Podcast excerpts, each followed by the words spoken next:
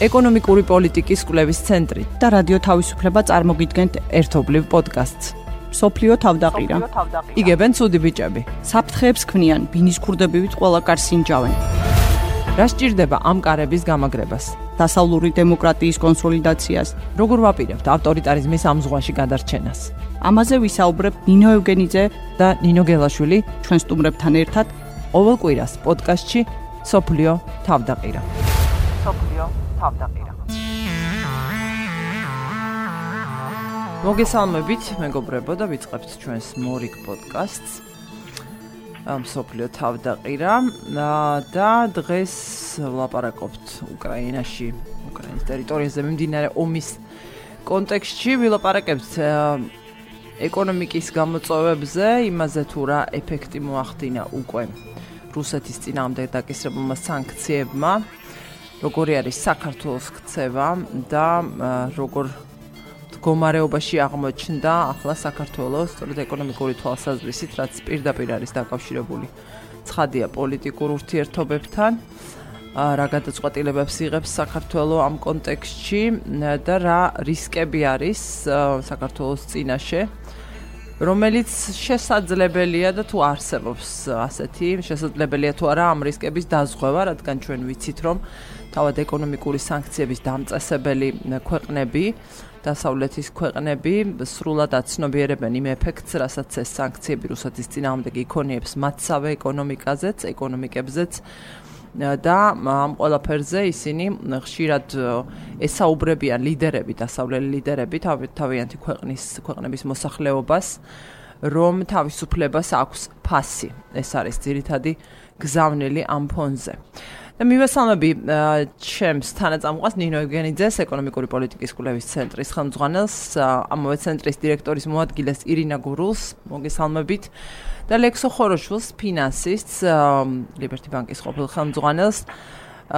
და მოდით თავდაპირველად ვთქვათ კონტექსტზე რომელიც შეიქმნა და იმაზე თუ რა ეფექტი მოახდინა რუსეთის წინააღმდეგ დაწესებულმა სანქციებმა მიმდინარე ომის ფონზე. მოგესალმებით, მადლობა მოწვევისთვის.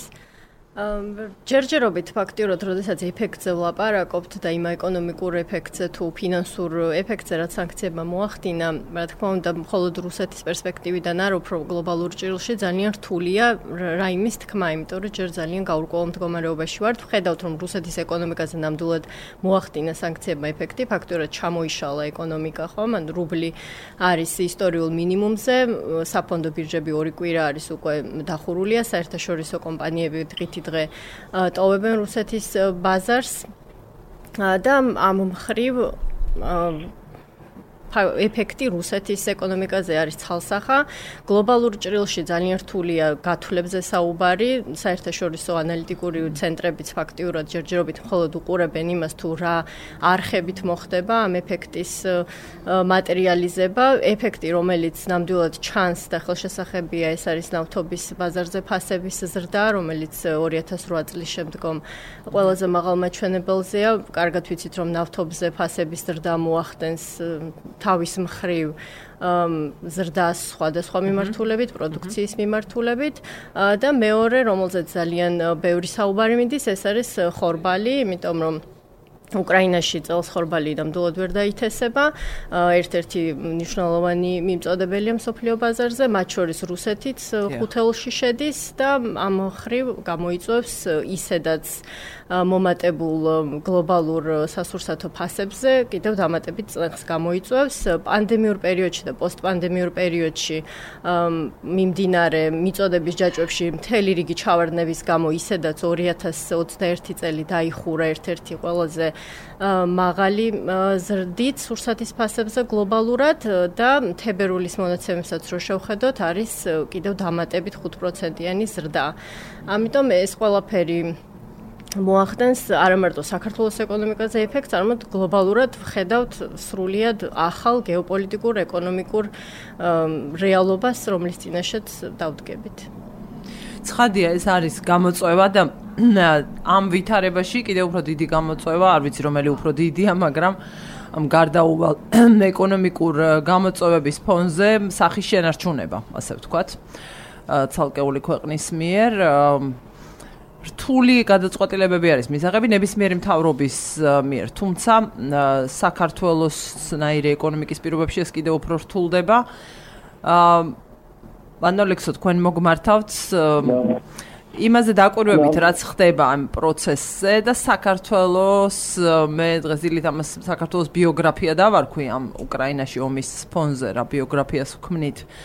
აა როგორ აფასებთ ერთი გადაწყვეტილებებს საქართველოს ხელისუფლების და მეორე კომუნიკაციას ამ გადაწყვეტილებებისა მოსახლეობასთან.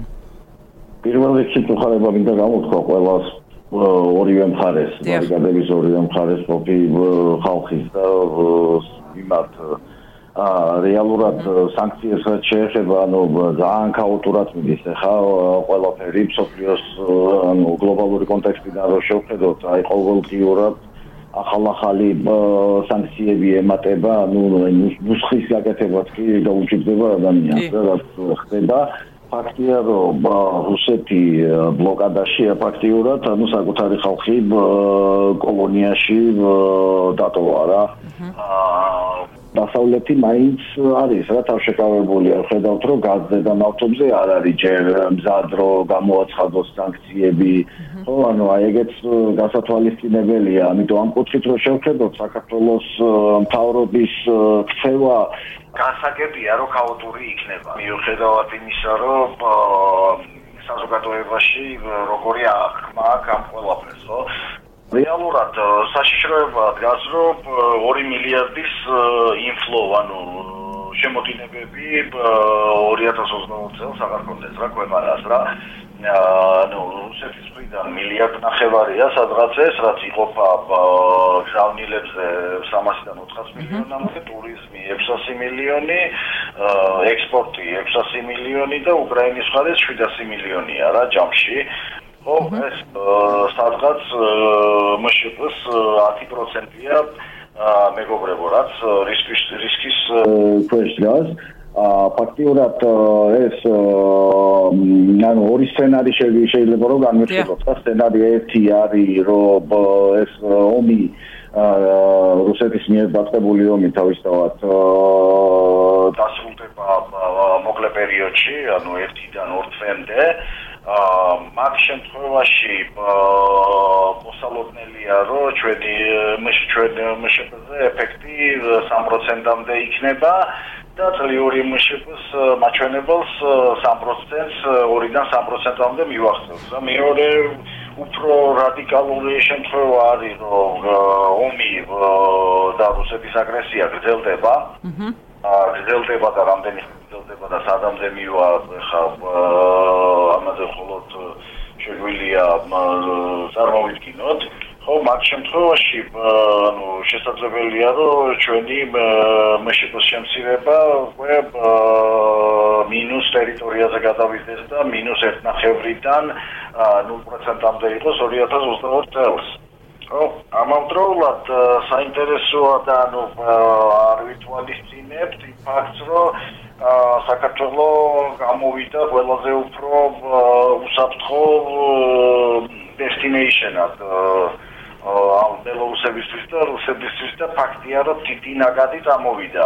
ამის ეფექტი ჯერ არც ეკონომისტებს, არც ფინანსისტებს არ დაუჩვლიათ და ვერ ითვლიან და მაგრამ ნუ ყოველთვის სტატისტიკა ესა მოსახლეობის და ტურისტების შემოსვლის, ნუ ტურისტები დავარქვათ ჭალებში დაგვანახებს ამის ეფექტს. თუმცა არც ისე არამატერიალური იქნება განსაკუთრებით იმ განცხადებებიდან რასაც ხედავთ, ხო, რომ ანუ შეზღუდვები როგორც ჩანს არ დაწესდება მაგ მიმართულები. ხო, მე მაინტერესებს რომელი შეზღუდვების არ დაწესებაზე საუბრობთ, იმიტომ რომ ის ადამიანები, ვინც საქართველოს ტერიტორიაზე უკვე შემოვიდნენ და ასეთი 25000 ადამიანია ეკონომიკის მინისტრის განცხადებით გამოყენება საკრედიტო ბარათების ვიზა, მასტერკარტის უკვე შეზღუდული არის. ანუ როგორ შეძლებენ ეს ადამიანები და შეძლებენ თუ არა სრულფასოვნად მაშინ ამ ჩვენს ეკონომიკაში ამ თანხის დაბანდებას თქვენ ეს როგორ წარმოგიდგენიათ? არსებობს თორე გვერდის ავლის გზები, ეს საინტერესოა. ანუ სანქციების გვერდის ავლის გზების ძიებას თუ დაიწყებენ, თქვენ როგორ ფიქრობ, დაეხმარება მათ საქართველოს ხელისუფლება ამ გზების მოძიებაში?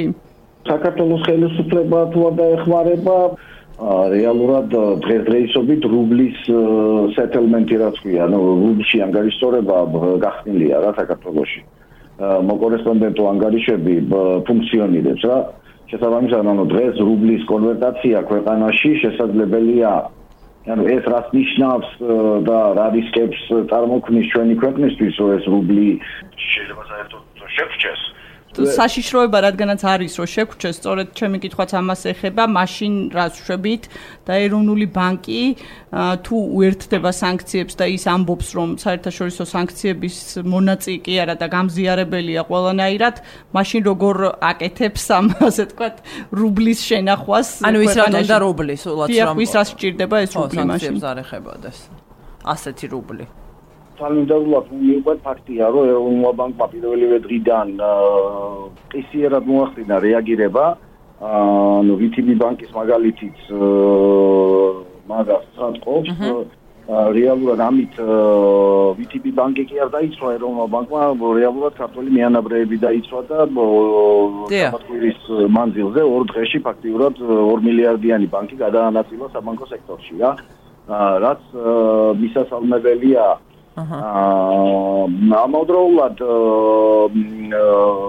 როდესაც საუბრობ ფინანსური სექტორის სანქცირებაზე დასავლეთსაც კი არ აქვს სრულად სანქცირებული საბანკო სექტორი რა რუსეთის არის ბანკები ვისაც ფიფტით გახსნილი აქვს რუბლის ანგარიშტორება თავისთავად და კორშოტები გახსნილი აქვს შესაბამისად და ხო ნავთობის შეთ ნავთობის და გაზის შესყიდვას ანგარიშტორება ხდება ამიტომ ხო არ შეიძლება რომ საქართველოს ისა ჯვაროსნული ომი გამოაცხადოს ფინანსურ ფინანსური სანქციებით ჩემი აზრით.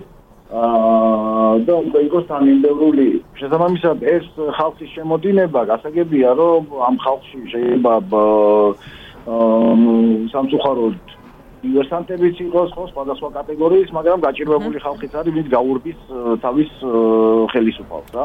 მე მგონი იმ ხალხს არ უშვებენ, ვინც გაურბის თავის ხელისუფლებას სამწუხაროდ. ვერ გეტყვით, არ ვიცი, არ ვარ ინფორმირებული, მაგრამ ხო ოჯახებიც მოდიან ალბათ, ვისაც ესა რა ქვია, genuinely უნდა გამოსვლა ამ ქვეყნიდან და გაქცევა რა. აჰა. ამისად ჩვენც ესა არ შეიძლება რომ ეგეთი სისტემი ვიყოთ იმ ყველაფრის ფონზე რაც ხდება რა ანუ როგორი მთავრობაც ყავს ეს და როგორ როგორ რეაგირებს. ხო ხედავთ რა ანუ პირველივე დღიდან რა გაურკვეველი მესიჯებია მთავრობის მხრიდან არათამინდევრული არა მეგობრული. და არა ძმური რაც უნდა იყოს ესა რა ქვია უკრაინის მიმართებაში მიმართებით, მაგრამ ნუ ეგ ეგ არის რაც არის, ხო? ეხლა საუბრობ ეკონომიკაზე, შესაბამისად, ანუ აი ციფრები რაც დავასახელებ, 2 მილიარდი. დანაკლისი დიდი ალბათობით რაღაც ისი კომპენსირება მოხდება აი ამ ნაკადი. აი ხო თქვენ ბძანეთ და დიახ, რა თქმა უნდა, ასეა, არ არის ასე ვთქვათ, სრული ბლოკირება რუსული ბანკებისა ყველასი და დასავლეთსაც აქვს სულ მინიმუმ ენერგორესურსების გამო ეს აქტიური ფინანსური კომუნიკაცია რუსეთთან. არსებობს თუ არა ლიმიტი, იმიტომ რომ ჩემთვის ახლა არა ეკონომისტისთვის, ან ბევრი სხვისთვისაც ალბათ, განწყობას თუ მიყვება ვინმე, აი საერთოდ უნდა განულდეს რუსეთთან ურთიერთობა ეკონომიკური და ასე იწუნებს თქვათ ის უფრო მეტად მწვავედ ფას იმ აგრესიის იმ ომის რასაც ახორციელებს ახლა უკრაინის ძინაამდე და არა მხოლოდ თავის პოლიტიკას. არსებობს თუ არა ლიმიტი? შესაძლებელია პრაქტიკაში განოლება რუსეთთან ეკონომიკური კომუნიკაციის დასავლეთის ქვეყნების. ო ძალიან სისულელები კითხე არა ეკონომისტმა? არა, არა, ჩემი აზრი როგორ გადაძრება, ჩემი აზრი არსებობს და თუ იღებენ გადაწყვეტილებას, უნდა მიიღონ რა ეგეთი გადაწყვეტილება. გასაგებია რომ ესა უკრაინაში ომის დაწყება არ დაწყებულა ეს ეს დღეში ხო? ეს პროცესი მიდიოდა რა. ეს პროცესი მიდიოდა და ღვივდებოდა ყველა მხრიდან. მოდი ესე შევხედოთ, მაგრამ ეს რა თქმა უნდა არ ამართლებს და ნუ არ ამართლებს კი არა, ნუ წარმოუდგენელია ის რაც ხდება და რაც გააკეთა რუსეთმა ამ თავდასხმით. მაგრამ ხო, აქ ბევრი ბევრი ფაქტორი მოხდა შესაბამისად, ხო, თუნდაც აი ეგეთი თუ გადაწყვეტილებას იღებენ სულ სანქცირებაზე, გააკეთონ სრული სანქცირება და მართლა მოვახდინოს სრული იზოლაცია მაშინ რა. თუ იქნებ იმიტომ რომ სხვა გამოსავალია მას შიგნიდან თუ არ გატყდა სიხე, ეს სიხე ვერ გატყდება დიდი ხანი რა. ძალიან დიდი მადლობა. დიდი მადლობა ლექსო. დიდი მადლობა მონაწილეობისთვის. აა ლექსო ხოროშვილი იყო ხაზზე. ბატონმა ლექსომ ახსენა სავარაუდოდ ის ის ნაკადები, რაც შეიძლება საქართველოსში იყოს მიმზიდველი და რაც შემოიტანს გარკვეულ თანხას რა ვალუტით, როგორ რასახით და როგორ მოხდება, აქაც გამოწვევები იქნება ალბათ, მაგრამ ეს ეყოფა შერბილებას იმ ეფექტისა, რასაც იწვევს ზოგადად უკრაინაში ომი. იმის და მიუხედავად საქართველოს რას მიუერთდება და რას არა მომავალში. ლექსომ სწორად აღნიშნა სამი ძირითადი არხი, რომელზეც რუსეთზე ვართ ხომ დამოკიდებული. ეს არის ექსპორტი, ტურიზმი, ფულადი გზავნილები, რომელზეც წლების განმავლობაში იყო საუბარი, რომ რუსეთზე როგორც პოლიტიზირებულ ბაზარზე დამოკიდებულება ამ ხრივ არ იქნებოდა ეკონომიკურად გამართლებული, იმიტომ რომ შეიძლება დამდგარი იყო ისეთი მომენტი, რომელიც დადგა. და 2000 უკვე 13 წლიდან მოყოლებული მზარდი ტენდენცია, ექსპორტი გვაქვს 15%-ზე, მაგრამ ეს არ ნიშნავს, რომ სრულია ყველა ეკონომიკურ სექტორი დაზარალდება, არიან ინდივიდუალური მწარმოებლები, რომელზეც უფრო მეტად აისახება ეს ეფექტი, ეს არის ძირითადად სასოფლო-სამეურნეო პროდუქციის მწარმოებლები.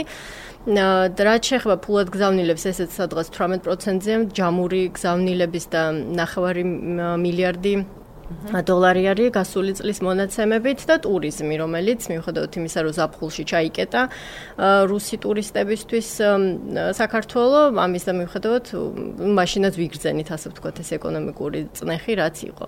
ამას გარდა მნიშვნელოვანი არის ასევე იმპორტის თვალსაზრისითაც შევხედოთ ამ ყველაფერს, იმიტომ რომ არ მხოლოდ ექსპორტის, არამედ იმპორტის დივერსიფიკაციაც იქნება საჭირო ჩვენი მხრიდან, ისევ ეხება სასოფლო-სამეურნეო პროდუქციას, ძირითადად ხორბალი და ზეთი არის, რომლის ალტერნატიული ბაზრების მოძიება გახდება მნიშვნელოვანი მაშინ, როდესაც უკვე უკრაინის ბაზარიც ასე ვთქვათ აღარ იარსებებს დიდი ალბათობით ამ მიზნებისთვის. და ეს რუსეთის მათ შორის.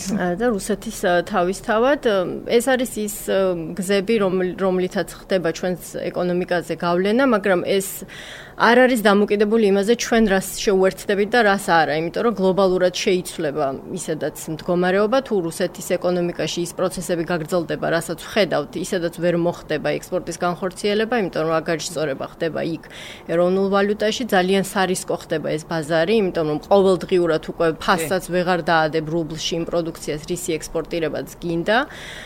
გაჭირდება უკვე ტრანზაქციის მიღება ექსპორტირებული პროდუქციის ფასის შესაბამისად. ამიტომ ეს ბაზარი ისედაც იკარგება, ჩვენ როგორი სურვილიც არ უნდა გქონდეს, რომ არ შეუერთდეთ სანქციებს. ეს არის რეალობა, რაც დგას. ხო, ამ კუთხით როგორ ფიქრობთ, შეიძლება თუ არა შეიქმნას სოფლიო ბაზარზე ჰუმანიტარული და ზოგადად დეფიციტი სასურსათო პროდუქტებთან დაკავშირებით, იმიტომ რომ რასაც უყურებთ ყოველ შემთხვევაში ჩემი წარმოდგენით და რა თქმა უნდა არ გვინდა ამ კუთხით არანაირად საზოგადოების დაპანიკება, ჩემი გათვლებით შესაძლოა ესეთი, ასე ვთქვათ, დანაკლისი საკმაოდ დიდი იყოს და რა გზებით უნდა მოვახერხოთ ამ ასე ვთქვათ, გეფების გეფების შევსება საინტერესო იქნება. გეფების შევსება მოხდება ალტერნატიული ბაზრების ხარჯზე, რა თქმა უნდა, ნაკლები ვალდებათობა არის ამ გადასახედიდან, რომ რაიმე სახის დეფიციტი შეიქმნება, უბრალოდ ფასი იქნება გამსაზღვრელი, ხო? ანუ ინფლაცია, რომელიც საქართველოში ისედაც არის ახლა ორ ნიშნულზე და 12-13%-ის ფარგლებში მერყეობს და იყო მოლოდინი, რომ მიმდინარე წელს დაუბრუნდებოდა მიზნობრივ მაჩვენებელს. ეს მოლოდინები სავარაუდოდ ვერ მატერიალიზდება, იმიტომ რომ გლობალურ ჭრილში ვხედავთ, რომ მოხდება სასურსათო პროდუქციაზე ფასების მატება, არა მხოლოდ წარმოების ჯაჭვის დარღვევით, არამედ პირველ ყოვლის ნავთობის ფასზე დაკვირვებით და რუსეთი როგორც ნავთობ მეორე ადგილზე მყოფი მსოფლიოში ნავთობ წარმოებელი მისი როლი ნამდვილად მნიშვნელოვანი და განსაზღვრელია და საერთაშორისო ანალიტიკოსების თქმით თუ მოხდა რუსეთიდან ნავთობის მიწოდების განახევრება ეს გამოიწვევს 25%-იან დამატებით ზრდას კიდევ ნავთობის ფასზე. ამიტომ ეს არის ის რაც არამხოლოდ ჩვენ გვადარდებს, არამედ დასავლეთის ქვეყნებიც ზუსტად ამ გათვლებს აკეთებენ, როდესაც საუბრობთ რუსეთის სრულად ჩახსნაზე და მათთან ურთიერთობის სრულად გაწყვეტაზე, ისინი ასევე უყურებენ თუ რა ტიპის დანაკარგი ექნება თავადაც, ხო? იმიტომ რომ ესეთი მარტივი რო იყოს და ერთ მხრივი, ალბათ კიდე უფრო მკაცრი იქნებოდა სანქციები და უფრო მალევე დაიწყებოდა ვიდრე რომ დაიწყო. როგორც ჩანს, მალე მოხდება ეს, იმიტომ რომ საჯარო საუბარი არის ამაზე და ვიცით რომ მოლაპარაკები მიმდინარეობს და აცხადებენ ამაზე საჯაროდ, არ დაიწყებდნენ ასე კონკრეტულად ლაპარაკს, რომ არ იყოს უკვე პრაქტიკულად გადაწყვეტილება მიღებული და ეს გარდაუვალია როგორც ეთყობა. აა და მაინც სულ მინდა რაღაცნაირად ვეძებო გამოსავალი არ არსებობს ახლა ამ სიტუაციაში ავერავინ უზარალოდ და უმტკივნეულოდ ვერ გამოვა ეკონომიკურად გულისხმობ თორემ ომი თავისთავად განუზომელია საერთოდ არ იზომება არაფრით. რაში ხედავთ ახლა ნაწილობრივ ამაზე ილაპარაკა ლექსომ და თქვენ რაში ხედავთ აი იმას რომ შედარებით საქართველოს მოსახლეობისთვის გულისხმობ ნაკლებად მტკივნეული იყოს ან გამოსავალი ნახოს. როცა ვფიქრობ მაგალითად ღვინის კომპანიაზე მაგალითად რომელსაც თქვა რუსეთთან ქონდა ან დღემდე აქვს ეკონომიკური ეს ვაჭრობა აქტიური მგონია რომ მისთვის უფრო ადვილია ორგანიზაციულად რომ რაღაცა ალტერნატივა ეძებოს ან სხვაგან მიმართოს. შეიძლება კი ზარალი ქონდეს მაგრამ ასე დაკვალიანდეს რომ იტყვიან მაგრამ იმ ადამიანებისთვის ვინც თქვა ხილს და ბოსტნეულს მოიწევს რა რა ხდება მათ თავს? აი ამაზე მეფიქრება უფრო. მალე თუ დასრულდება და იმედი მაქვს რომ მალე დასრულდება ეს მეც ცოტა დროს ვაძლევ. რა თქმა უნდა უკრაინის გამარჯვება ხო ამ შემთხვევაში უკვე უნდა ვიფიქროთ იმაზე, რომ ის შეცდომა აღარ დაუშვათ და მართლა დივერსიფიცირება გავაკეთოთ და არა რუსეთის მხრივ და არა დივერსიფიცირება რუსეთის ბაზრის ხარჯზე, რაც გვესმის ეს ორი დღეა, ხო? ჩვენ დივერსიფიცირება გვესმის როგორც დასავლეთისკენ დივერსიფიცირება და მაშინ, როდესაც სოფლიო მოსახლეობის 1/3-თან გვაქვს თავისუფალი ვაჭრობის ხელშეკრულებები, ამაზე საუბრობდით წლების მანძილზე, რომ ამ ხელშეკრულებების მხოლოდ გაფორმება არ არის ნიშნული მნიშვნელოვანი, არამედ მათი გამოყენება და მატერიალიზება არის მნიშვნელოვანი და ამ ხელშეკრულებების გამოყენება საინვესტიციო პოტენციალის გასაზრდელად. თუმცა მხოლოდ იმ მოცემულობით რა მოცემულობასაც დღეს ვხედავთ საქართველოს მთავრობის განცხადებების ფონზე, იმის ფონზე, რაზეც საუბრობთ ხომ, კანონის უზენაესობა დამოუკიდებელი სასამართლო ისე იმ ჩაკეტილ წრეში ტრიალებთ, რომ გამოსავალი რთული მოსაძებნია და შესაძლებლობები რომც არსებობდეს ჩვენთვის რთული გამოსაყენებელია, თუ ფუნდამენტური ფაქტორები რაც ხელს გვიშლის, რომ წინ წავიდეთ, არ შეიცვალა. რაც კიდევ ერთხელ მიუთითებს, რომ თუ არა ვარ ვართ ღირებულებით ნაწილში აა სოფლიო განვითარების და დასავლური განვითარების და დასავლეთის მხარეს ვერ ვიქნებით და ვერ ჩავეწერებით იმ მოწინავე ქვეყნების რიგში რომელთა ასე ვთქვათ ხელისუფალთაც შეუძლია სიმდიდრის გენერირება ქვეყანაში და ამ სიმდიდრის ხალხის მიერ ასე ვთქვათ მოხმარება. ამიტომ ფიქრობს რომ შემდგომი ჩემი აზრით ძალიან მნიშვნელოვანი და გარდამტეხი იქნება ქვეყნის მოსახლეობისთვის სწორედ აი ამ ღირებულებითი არჩევანის გაკეთების მიმართულებით. რამდენად არის ახლა ამისთვის კარგი დრო აი ამ რაღაც გადაფასებებისთვის და ასე შემდეგ. გულისხმობ იმას, რომ აი ამ შოკის პირობებში მოდით ასე ვთქვათ. ერთი მხრივ ამაზეც ვფიქრობ და მეორე მხრივ იმაზეც, რომ იძულებული გავხდებით, რომ მეტად ვიფიქროთ და ვიზრუნოთ უკეთეს არჩევანზე ბაზრებისა. კი, რამდენად შეიძლება რომ ამას კარგი დრო დავარქვათ, ახლა არის ეს დრო და ეს ესეთი ფონდა მანამდეც, ასე ვთქვათ, ესეთი ტიპის დრო, ხომ, როდესაც ემბარგო დაწესდა და მაშინ რამ წარმოებლებმა ნამდვილად გამოიყენეს ეს როგორც შესაძლებლობა და მგონია რომ ესეც უნდა იყოს ეს პერიოდი გამოყენებული იმისთვის, რომ მოხდეს მეტი პერსპექტივის დანახვა დასავლურ და სტაბილური ბაზრების მიმართულებით და ამ ხრივ სწორი არჩევანის გაკეთება. ისტორიის სწორ მხარეს დგომა არის ყველაზე მნიშვნელოვანი. დიდი მადლობა. საბოლოოდ ეგრეა, კი ბატონო, ნამდვილად. და ხო, მე ცოტა დროს ვაძლევ. მეც. რა თქმა უნდა, უკრაინის გამარჯვებით როგორც შენ აღნიშნე, ნინო. ძალიან დიდი მადლობა. დიდი მადლობა ინაგუროს ნინო ევგენიძეს დასრულდა ჩვენი დღევანდელი პოდკასტი გემშვიდობებით დროებით. ეკონომიკური პოლიტიკის კვლევის ცენტრი და რადიო თავისუფლება წარმოგიდგენთ ერთობლივ პოდკასტს. სოფლიო თავდაყირა. იგებენ ცუდი ბიჭები. საფრთხეებს ქმნიან, ბინის ქურდებივით ყველა კარს ინჯავენ. რა სჭირდება ამ კარების გამაგრებას? დასავლური დემოკრატიის კონსოლიდაციას, როგორ ვაპირებთ ავტორიტარიზმის ამ ზღვაში გადარჩენას? ამაზე ვისაუბრებ ნინო ევგენიძე და ნინო გელაშვილი ჩვენ სტუმრებთან ერთად ყოველ კვირას პოდკასტში სოფლიო თავდაყირა. სოფლიო თავდაყირა